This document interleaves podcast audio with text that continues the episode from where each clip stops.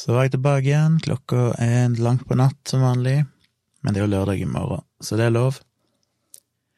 Jeg sitter her med et nytt miksebord, og dere merker nok ingen forskjell til det, men eh, for meg er det en glede. Det er bedre kvalitet på det miksebordet, og skal i teorien være vesentlig bedre lyd. Det merker jeg ikke så mye på podkasten, men jeg tror jeg kommer til å merke det på videoer. Og det gir meg en del muligheter til å rute lyden på forskjellige måter som eh, er greit. I dag har jeg eh, Fredag, ja, jeg ble liggende oppe. Jeg hadde først tenkt å se debatten mellom Clinton Nei, Clinton, sier jeg. Mellom Trump og Biden. Men så tenkte jeg fuck, det begynner klokka tre om natta, det blir for seint. Så jeg ble sittende oppe med datamaskinen litt, og så gikk jeg og la meg. Og så lå jeg og kikka på mobilen, og så plutselig dukka det jo opp på noen diverse nettsider at uh, se debatten her, så plutselig klokka blitt tre. Så ble jeg liggende og se de første 40 minuttene på mobiltelefonen i senga, før jeg ble så trøtt at jeg tenker jeg må, må sove. Jeg tror jeg bare sov fire timer natt til, til torsdag, og derfor så tenkte jeg jeg trengte å sove litt mer. Men tror du ikke jeg ble vekt klokka åtte på morgenen av at uh, Da hadde jeg sovet i ca. fire timer. Det ringte på døra febrilsk. Og jeg skjønte ikke det, det er jo ingen som ringer på og talker. Og jeg blir litt sånn nervøs, tenker hva i all verden er dette for noe? Og så tok det litt tid før jeg reagerte, men jeg liksom reiste meg opp og gikk ut, og visste ikke egentlig hva jeg skulle gjøre der ute. Jeg kikka ut gjennom det der kikkehullet i døra, men det hjelper ikke, for de ringer jo på ifra uh, ut, altså helt hovedinngangen utenfor blokka. Og så stoppa det å ringe, uh, eller det stoppa å ringe rett før jeg kom ut, for jeg tenkte egentlig jeg skulle gå og trykke på knappen og spørre hvem det var, men da stoppa det å ringe, så da får jeg ikke kontakt med de, med mindre de ringer på en gang til. Så jeg gikk bare og la meg igjen. Men da blir jeg liggende så urolig og tenker liksom, hvem, i all verden var det som ringte på flere ganger? Blir så nysgjerrig på hva i all verden var det. Så klarte jeg ikke å sove skikkelig etter det. Jeg sov vel ja, en knapp time. Nei, jeg tror ikke egentlig jeg sov, men jeg ble liggende i senga en stund. Før jeg tenkte at nei, jeg får bare stå opp. Så hadde jeg sovet fire timer igjen, så det ble liksom to netter på rad med fire timer.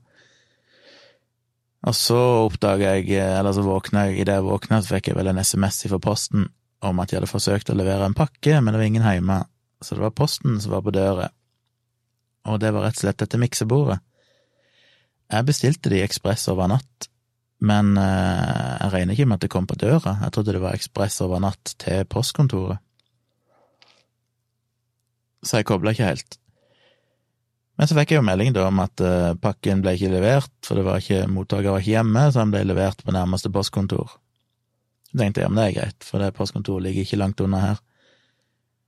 Så litt seinere på dagen så tusla jeg bort til postkontoret og skulle uh, hente de pakkene. Men da jeg skulle vise henne uh, sånn nummer for å hente pakken, så oppdaga jeg at det er jo ikke noe sånn kode her for å hente pakken. Men da var det kommet en ny melding i appen der det sto lasta opp opp for utkjøring. Så det sto det jo to hakk lenger bak òg, så hun lasta opp for utkjøring, og så var neste melding at det var forsøkt levert, men mottaker var ikke hjemme, som var det siste jeg hadde fått med meg. Men etter det igjen så kom det en ny sånn lasta opp for utkjøring. Så hun på posten tenkte at ja, da er de sikkert bare lasta den opp for å komme og levere den til posthuset, så da var han ikke kommet der ennå. Så tenkte jeg ja vel, greit nok, forventa til jeg får melding, og så får jeg gå bort til posten igjen seinere. Men så gikk jeg på butikken og litt sånn. Og så Nei, jeg gikk vel hjem først, og så litt seinere så gikk jeg på butikken. Eh, nei, Tone gikk ned til byen, sånn var det. Og så kom hun hjem seint på ettermiddagen, og da hadde hun plutselig møtt postmannen på utsida av døra, som skulle da levere pakkene til meg på nytt. Så hadde hun bare tilfeldigvis sett han sto der med noen pakker, så spurte hun du skal ikke tilfeldigvis levere dem til Gunnar Kjomli, og så sa han jo, og så tok hun bare pakkene og tok de med seg inn. Så da fikk jeg pakkene uansett, eller likevel, uten å måtte hente de sjøl. Så det var jo bra. Det var jo flaks at uh, Tone tilfeldigvis var der andre gangen, for det var ikke jeg hjemme da heller. Uh, ja. Så pakkene fikk jeg til slutt, men jeg fikk lite søvn, for jeg ble så irritert på at han ringte på så tidlig. Så det er på tide å få litt søvn i morgen, skal Tone ta hunden, så jeg kan sove litt lenger i morgen siden det er lørdag. Så det var en eh, brå start på dagen. Men det er gøy å få litt nytt utstyr som kan gjøre hverdagen min her, med produksjon av podkaster forskjellig, litt enklere og bedre. Og jeg har jo plugge om litt og ominnrede litt her på kontoret mitt, for når jeg først fikk ny nytt miksebord, så måtte jeg flytte den litt og sånt for å få litt bedre plass her inne, siden jeg måtte uansett koble opp alt på nytt. Jeg har liksom utsatt å gjøre det med den andre, fordi det er et styr å koble ifra alle ledningene, flytte på ting, og så koble ting tilbake igjen. Men nå måtte jeg gjøre det uansett, så da benytter jeg anledningen til å ommøblere litt. Um, og så var jeg og tok en eh, kaffe, eller rettere sagt eh, ei Cola Zero, med ei som jeg ble kjent med på nett, som jeg hadde lyst til å treffe, som virka veldig interessant. Det er ikke så ofte jeg møter folk som jeg syns det er folk jeg orker å treffe. Det Ja, det går eh, lang tid mellom sist, mellom hver gang. Jeg hadde en kaffe med ei her for et par uker siden, men bortsett fra det så er det ja, over et år siden sist jeg gikk ut og møtte noen. Så jeg tenkte det kunne være gøy, for at hun virka faktisk litt interessant. Hun var fra Italia, men hadde fått seg en jobb i Norge på universitetet som professor. Jeg skal ikke si IK, skal ikke identifisere noen her, men eh, hun jobba som professor der. Selv om allerede har jeg vel sagt nok til at det kanskje går an å finne ut hvem hun er, hvis en skulle ville vite det.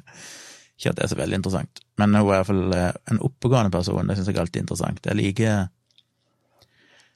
Jeg merker det når jeg satt og prata med henne, at jeg, jeg, tror jeg har en uh, forkjærlighet for mennesker som er litt spesielle.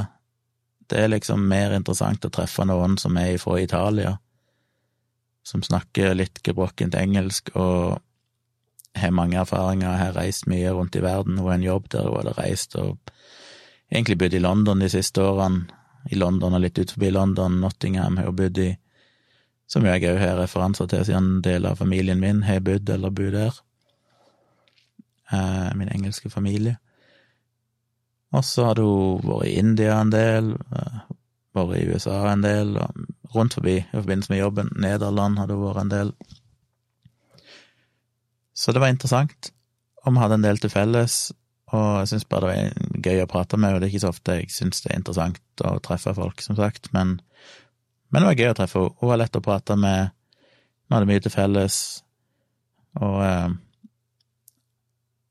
det var interessant å bare høre hva hun tenkte om Norge. Hun eh, var jo så oppgira over Norge, hvor fantastisk det var her. Både lønna hun fikk, hun fikk jo helt sjokk når hun hørte hva hun skulle få i lønn. Hun trodde det var helt jeg trodde det var en feil når hun fikk pengene på konto første gang. Hun ringte jo banken sin og sa du, det må ha skjedd en feil her. Men det var lønnen hennes.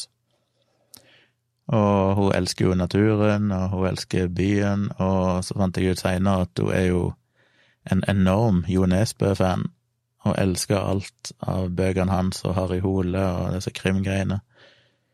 Så det hadde visst òg vært en medvirkende faktor til at hun hadde valgt å takke ja til en jobb i Oslo og syntes jo nå det var så spesielt å ha besøkt de plassene som er omtalt i bøkene hans. Det var liksom helt surrealistisk for henne, nesten. Eh, og gøy å høre om hvordan det var å bo i andre land, og forskjeller, ikke minst kvinnesyn, hvordan hun bare følte at vi var så liberale her i Norge, med tanke på så mange ting, og veldig likestilte, hvordan hun merka så enorm forskjell på å være en kvinne med holdt å si, italiensk eh, bakgrunn eh, i Norge, sammenligna med for eksempel London. Jeg var ikke klar over at London var så ille, men hun hadde ikke så mye fint å si om London når det gjaldt eh, alle sånne tingene. Det virka som det var sto ganske mye lenger bak utviklingsmessig enn det vi gjør i Norge når det gjelder en del holdninger. Så det, er sånne ting syns jeg er gøy å prate om, få litt perspektiver på ting så er det sjarmerende når de snakker gebrokkent italiensk, engelsk. Men hun snakket vel seks språk. Snakket vel arabisk og fransk og italiensk og driver og lærer seg norsk og de andre språkene fikk jeg ikke med meg hva var, men mye forskjellig. Så det var gøy. Jeg har lyst til å treffe henne igjen, prate mer. Så det var det, og så kom dattera mi, så jeg gikk bare rett ifra den eh, kaffetreffet til Oslo S, der dattera mi kom med flytoget, og så reiste vi hjem, og så lagde jeg en, en god middag, syns jeg. Ja, alle var vel egentlig fornøyd. Eh, litt asiatisk inspirert middag til alle tre. Så satt vi og så eh, Første date, som jo er fantastisk underholdning, på Er det Dplay det går? Um, eller er det Viaplay? Jeg husker ikke. Jeg tror det er Dplay. Så da så vi det, for det er noe som alle tre kan synes er gøy å se på. Og koste dere med det, og så trakk Maja seg inn, dattera mi seg inn på rommet sitt etter hvert, og så gikk jeg inn her på kontoret mitt og rigga opp det nye miksebordet og så videre. Testa jo det litt, og så har jeg begynt å redigere litt bilder igjen. Håper jeg skal bli ferdig med det kanskje i morgen. Så det har vært min dag så langt. Ellers så brukte jeg litt tid i dag på en uh, ting jeg jo prøver å unngå, og det var Facebook-debatt. Igjen så var det jo Espen Goffeng som posta et eller annet der han Jeg husker ikke helt konteksten, men han hadde vel posta et eller annet Eller det var noen andre som hadde posta et eller annet som ble fjerna av Facebook, og så posta vel Espen Goffeng noe om det, omtalte den saken, og så ble hans post fjerna av Facebook. Og så posta han en ny post igjen, om det igjen. Og så ble det en lang diskusjon under det. Og så blir jeg litt sånn småirritert, som jeg har sagt før, av å se de der, for det Han klarer jo alltid å vinkle det som om det er en form for identitetspolitikk og venstresida og en knebling av ytringsfriheten og disse postene handler jo om islam i en eller annen grad, og for han var liksom sånn, skrev et eller annet om det må jo være flaut for muslimer at uh, Facebook uh, på en måte anser dem som så lettkrenka at, ikke, at de må fjerne poster med en gang du sier noe om muslimer eller islam og sånn. Så skrev jeg en kommentar og bare sa at uh, jeg begynte vel litt ufint, for jeg skrev vel, jeg syntes det var Skjønte ikke helt hvorfor han ble så butthurt av å ha dette her når det egentlig ikke handler om det som han skriver om i det hele tatt. Det var kanskje litt ufint av meg å bruke ordet butthurt, men jeg opplever jo det som et litt mer sånn fleipete ord, mer enn at jeg anklager han for noe. Men jeg skrev jo en lengre redegjørelse, som jeg har gjort før òg, til han, om at han må jo snart skjønne at dette handler om algoritmene til Facebook og maskinlæring og nevrale nettverk, alt det der sammensuriumet og med tanke på hvor ekstremt mye hat og rasisme som nok blir skrevet hver eneste dag om islam og muslimer, så er det ganske naturlig at de algoritmene er relativt oversensitive for kommentarer og poster som inneholder enkelte ord eller fraser, eller nevner enkelte navn eller linker eller et eller annet. Eh, og når de blir fjerna, så er det ikke fordi det nødvendigvis bryter retningslinjer. Det, handler jo ikke om at Facebook ikke tillater den type poster, for det var ingenting galt med det han skrev. Det var helt innafor det han skrev. Og det er jo derfor han reagerer når da posten blir sletta. Og det er greit å bli provosert av det, men du må på en måte adressere problemet korrekt. Det handler jo ikke om at det er så mye problemer med ytringene og, identitetspolitikk og alt det som han insinuerte. Det er jo rett og slett bare fordi vi har uperfekte algoritmer. Og jeg brukte jo sammenligningen med at jeg nå nylig har lagd den der influensavideoen min, så ble jo den òg merka som spam av Facebook. Det er jo ingenting galt i posten min, og informasjonen er jo vitenskapelig korrekt, men det er klart at når jeg nevner ord som influensa og vaksine og sånne ting, så er det veldig fort gjort for de algoritmene å frykte at dette, eller å trigge for at det kan minne om noe antivaksine konspirasjonspropaganda som har blitt posta sikkert tusenvis av ganger og fjerna av Facebook.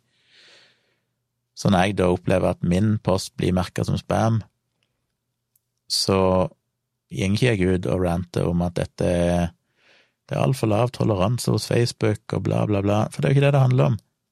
Den posten min bryter jo ingen av Facebook sine retningslinjer, og Facebook har aldri påstått at de gjør det, for hvis de hadde fått mennesker til å se på det, så hadde de garantert godkjent den igjen.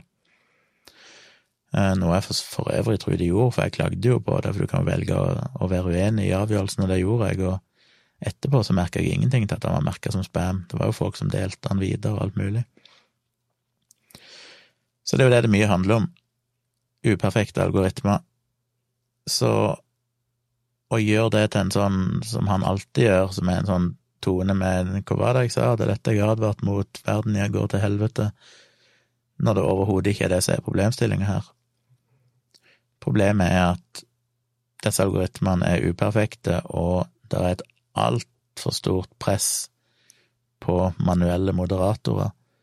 De har jo titusenvis av mennesker ansatt til å sitte og gjennomgå sånne rapporter, men du vet, vi har jo ikke sjans, det blir jo posta milliarder poster hver dag.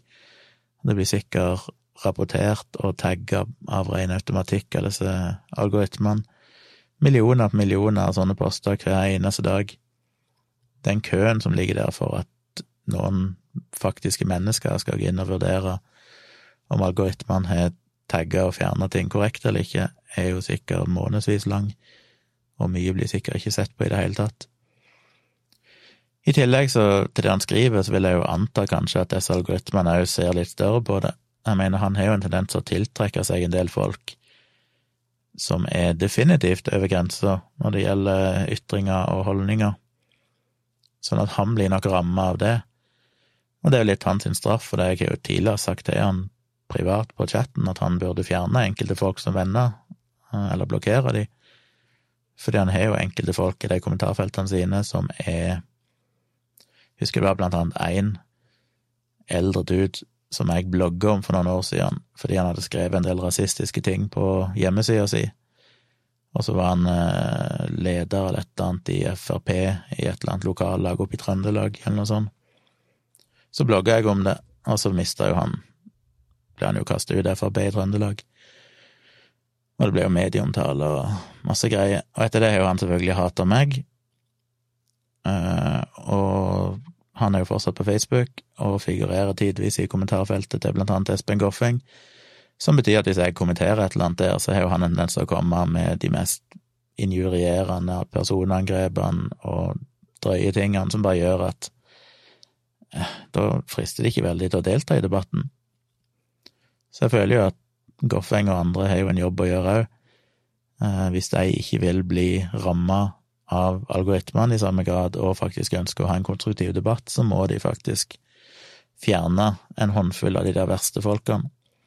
Og poenget mitt var bare det at når de verste folkene, som algoritmene til Facebook sikkert har registrert, skriver ting som definitivt bryter med retningslinjer, når de da alltid trekker til som bier bie mot honning når Espen Goffeng skriver nå, for han blir jo litt som Kjetil Ålnes, et litt sånn eh, akademisk eller litt mer anstendig alibi for en del meninger de har. Eh, og verken Rollnes eller Goffeng er jo på ingen slags måte rasister, etter mitt syn, eller noe sånt. Eh, de skriver ikke noe som etter mitt syn er galt. Jeg syns bare tolkningen deres av det er ganske weird, måten de ser på samfunnet. Men det de skriver, er jo fullstendig legitimt. Men de tiltrekker seg folk som ikke er, for det første, på langt nær så smarte. Folk som er klin idioter. Eh, som bare Ja. Og det vil nå sikkert farge algoritmene når de vurderer det han skriver, han Goffeng, for eksempel. Så jeg tror nok han ville hatt mye igjen for å kicke ut noen av de folkene. Og jeg vet jo at Goffeng har sjøl vært flink til å Når folk skriver ting som er over grensa i kommentarfeltet hans, så har jeg jo sett han skrive at dette her eh, dette er ikke greit å skrive, og liksom tatt til motmæle. Og det er bra. Men det hjelper jo ikke på algoritmene, de registrerer jo ikke det. De vil jo fortsatt registrere at disse menneskene tiltrekkes hans sine poster og kommenterer der. Nå aner ikke jeg om det er en faktor en variabel i disse algoritmene, men eh, det vil ikke overraske meg, det vil være en naturlig ting å se på. At du ser på nettverket til en person, og ikke bare personen sjøl. Så jeg kommenterte iallfall det, og så ble det selvfølgelig en diskusjon under det igjen, da, der han svarte og andre kasta seg på, så ga jeg litt opp til slutt, for det var litt sånn som å sange hodet i veggen, det var som de skjønte ikke helt hvor poenget mitt var. Jeg prøvde jo å være veldig tydelig på at jeg i aller høyeste grad anerkjente problemstillinga og skjønte poenget hans, og var enig i poenget hans, at det er et problem at du ikke kan kritisere islam. Eh, altså, du kan jo, men at det kan være vanskelig eh, uten å oppleve at uh, at uh, det kan bli feiltolka, for eksempel, og sett på som noe verre enn det det er. Men det er jo ikke det som er problemet i denne sammenhengen, for igjen, det er jo ikke Facebook sine retningslinjer som hindrer han i å skrive dette, det er uperfekte algoritmer. Men det så ikke helt ut til å gå inn, så da ga jeg litt opp. Men det er jo forstått en interessant diskusjon, og um, jeg tenker jo at det ultimate svaret, som jeg òg har sagt en del ganger før, er jo at folk som Espen Goffeng burde hatt en blogg. Jeg syns det er jævlig trist uh, at så mange oppegående folk ofte skriver ganske lange og gode poster på Facebook, som veldig fort forsvinner. Ei uke seinere så finner du ikke igjen posten omtrent, for han er drukna i alt mulig annet, og det er nesten umulig å søke opp ting på Facebook. og og du finner det ikke via Google-søk, og Så jeg føler det er så forgjengelig, det du poster på Facebook. Jeg føler ofte at mye av det, selv om det er ting jeg kan være uenig med, så er det likevel av en sånn kvalitet at de burde heller ha skrevet det i en blogg, for da er det tilgjengelig, lett tilgjengelig for alle, og du kan søke det opp, og det blir stående der for evig tid. Eller så lenge du har bloggen der. Og det har en slags du øker verdien så mye mer på det du skriver. Problemet med en blogg er jo selvfølgelig at der er det mye vanskeligere å tiltrekke seg folk som engasjerer seg, eh, spesielt i dag. Det merker jeg med min blogg òg, selv om jeg har hatt en ekstremt populær blogg som tidvis hadde ja, hundretusenvis av lesere hver måned, så får jeg jo ikke samme opp... Eller så er det vanskelig nå når jeg ikke har vært så i søkelyset på ei stund og ikke har blogga så aktivt. Eh, nå får jeg ikke så mye respons lenger hvis jeg skriver noe i bloggen, fordi folk har slutta å følge litt med. Og òg bare internettkulturen har jo gått litt vekk for at folk leser blogger, det handler jo mer om at folk bare er innom Facebook og kanskje Twitter og ser hva som skjer. Så jeg skjønner jo appellen at du får liksom mer feedback og mer respons av å skrive noe på Facebook, eh, men det er synd. Det føles litt bortkasta, og så møter du, du det problemet som han da klager på. Det hadde han ikke fått i sin egen blogg, for den er det ingen som kan sensurere, med mindre du bryter norsk lov. Så det er jo noen tanker jeg har om det, og jeg har jo som sagt faktisk blogga bitte grann i det siste, og jeg har mer blogga når jeg får litt bedre tid. Og jeg merker at det mye mer, føles mye mer givende å skrive noe skikkelig i bloggen, selv om veldig få leser det, enn å skrive en eller annen post på Facebook som får tusenvis, holdt jeg på å si, de gjør ikke det, da, men kanskje hundrevis av likes å bli delt der, for det er litt sånn Det er så forgjengelig, det bare forsvinner.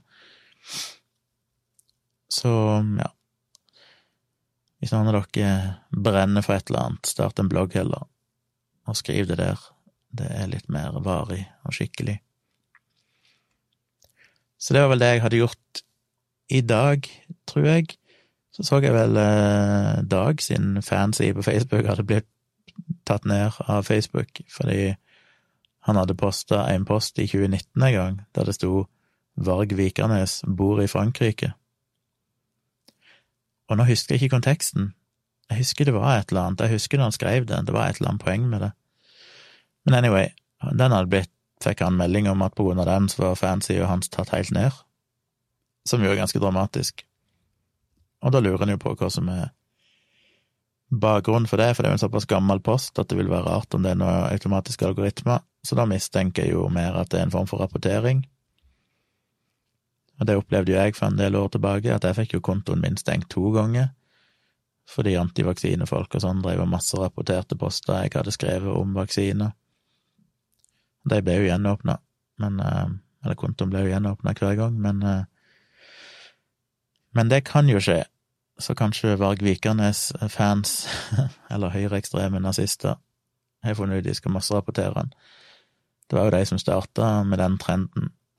Det skrev jeg litt om på NRK Ytring da jeg fikk min konto stengt, at det stammer egentlig fra European Defence League, EDL, i England, som eh, er en sånn høyreekstrem, eh, rasistisk organisasjon. Det var egentlig de som begynte med det å på en måte samarbeide om masse masserapportere poster til meningsmotstandere og fikk tatt ned profilene deres. Og så spredde den taktikken seg videre inn i en del alternative miljøer og vaksinemotstandere og sånn, så, Så det ville ikke være helt overraskende om det var høyreekstreme fans av Varg Vikernes eller noe sånt, som har plutselig en eller annen merkelig grunn funnet ut de skal masserapportere den. Men igjen så handler jo ikke det da, i dags tilfelle heller, om at det han skrev ikke er akseptabelt på Facebook. Det handler jo om at tydeligvis er dette trigga noen mekanismer. Og hvis noen mennesker ser på dette, så vil sannsynligvis kontoen hans bli gjenåpna igjen ganske fort, for de vil jo se at dette er helt legitimt. Så eh, ja, hva jeg skulle si? Nå hadde jeg akkurat dette jeg skulle si om de algoritmen. Um, ja, anyway. Det er sånn verden fungerer, og det får en jo bare mislike, men så lenge vi bruker Facebook Jo, det var det jeg skulle si, at til syvende og sist er vi vel alle glade for at disse algoritmene er der. Det er jo en veldig interessant episode om det på Radiolab som kom i 2018, tror jeg, eh, som òg noen minte meg på ved å poste link til den i kommentarfeltet til Goffeng, som handler om det, der de snakker litt, og vi snakker vel om den episoden i Dialogisk når han kom for et par år siden. Men den viser jo alle problemstillingene med hvordan du skal vurdere for eksempel nakenhet på Facebook. Hva er nakenhet? Når er det greit å poste bilde av et bryst? Naken kvinnebryst? Et naken kvinnebryst kan være pornografi, men det kan òg være bilder av ei dame i uh, Uganda som ammer barnet sitt. Det kan òg være noe helt annet. Uh, det finnes så mange settinger, og hvordan skal du få algoritmene til å vurdere det? Det er jo som den kjente Aftenposten-saken, når de posta dette bildet av uh, hun her vietnamesiske jenta, vel, som ble uh, gassa med sennepsgass, var det ikke det? ikoniske svart-hvitt-bildet som brenner huden hennes. Og det ble tatt ned, for det ble vel Det ble vel sett på som barneporno eller et eller annet sånt. Iallfall nakenhet. Som det jo ble en stor sak av. Men det er jo vanskelig, dette. Og de snakker jo litt om alle disse tusenvis av menneskene som sitter der hver dag, og alt de gjør hver dag, er å se videoer med overgrepsmateriale og drap og tortur og henrettelser og alt mulig slags materiale som blir posta, i tillegg til tekstposter som er rasistiske og langt helt ulovlige påstander og alt mulig sånn, som mennesker sitter og må liksom vurdere å ta ned hele tida etter hvert så de blir enten tagga automatisk av algoritmene, eller noen mennesker sitter og rapporterer det. Og det er ikke noe trivelig jobb. De ser mye dritt, og det er jo mange av de som sliter hardt psykisk etter å ha jobba med det en liten stund, for de ser jo så mye ekstreme ting. Og hadde vi ikke hatt disse algoritmene, så hadde jo det materialet vært fritt tilgjengelig på Facebook òg, som jo for det første ville være ulovlig, og det vil jo være et problem for Facebook, så de er jo helt avhengige av å ha algoritmer som kan prøve å ta dette ned så fort som det lar seg gjøre. Men det hadde jo òg blitt et mye mer utrivelig sted. Så i kommentarfeltet til Goffeng, så var det jo folk som på en måte gjorde dette til en snakk om at ja, der ser dere problemet med sensur og bla, bla, bla. Men det er jo ikke sånn verden fungerer. Det er jo ikke sensur å ta ned poster som helt og klart bryter loven, eller i det minste bryter retningslinjene til Facebook, som en kan mene hva en vil om, men de er ikke veldig ekstreme. Jeg mener, jeg, ut fra min erfaring så skal det ganske mye til før en post faktisk blir regna som å bryte retningslinjene deres. Eh, så jeg tror ikke det er der problemet ligger. Det er jo ikke et sensurproblem, og jeg tror ikke de som skrev det, ville likt en Facebook uten den formen for i gåseøyne sensur, for det hadde vært ganske utrivelig sted. Men problemet er, som sagt, uperfekte algoritmer. Så sier jo Goffeng at ja, men han hadde òg posta i går eller sånn, en eller annen sånn tegneseriestripe, eller et bilde, eh, som angrep den katolske kirka, det å anklage om overgrep mot barn og sånn. Og den ble ikke tatt ned. Og Facebook ville aldri tatt ned noe sånt, sier han, som jo betyr at det er spesielt islam som er liksom beskytta, det er ikke lov å kritisere islam. Og det er jo én måte å tolke det på, at islam har en særstilling. Men så prøvde jeg å forklare han at jeg tror ikke det er det som er poenget, jeg tror poenget er at mengden hets og hat og rasisme og alt som blir posta der enkelte ord og fraser eh, nevner islam og muslimer på en eller annen måte, må jo overgå antall tilsvarende poster som kritiserer den katolske kirka, for eksempel, med ja, uendelig mange ganger. Og derfor er det heller ikke så veldig rart at algoritmene og maskinlæring trenes til å være mer sensitive for akkurat det. Det handler igjen ikke om at Facebook har en lavere terskel for å kritisere islam enn å kritisere den katolske kirke, men fordi det postes så ekstremt mye mer ulovlig materiale om islam, så vil det òg være en lavere terskel i praksis når det er disse algoritmene som faktisk gjør den jobben. Men igjen, det så ikke ut til å gå helt inn, den argumentasjonen. Så det er komplekst, men det er interessant. Så det var min lille rant om eh, diverse ting i natt. Jeg tror jeg får eh, logge av her, og eh, ja, så satser jeg på å være tilbake i morgen kveld. I morgen skal jeg ha en ny fotoshoot med en ny modell. Og på kvelden så skal vi, meg og Tone og Maja, spise en god middag. Ikke bestemt hva det skal være ennå. Men et eller annet fancy blir det vel, som enten jeg lager, eller vi lager alle sammen. Og så eh, skal vi se en film sammen som Maja ville se. Så det blir trivelig. Da tar jeg kvelden, så høres vi igjen. Good night.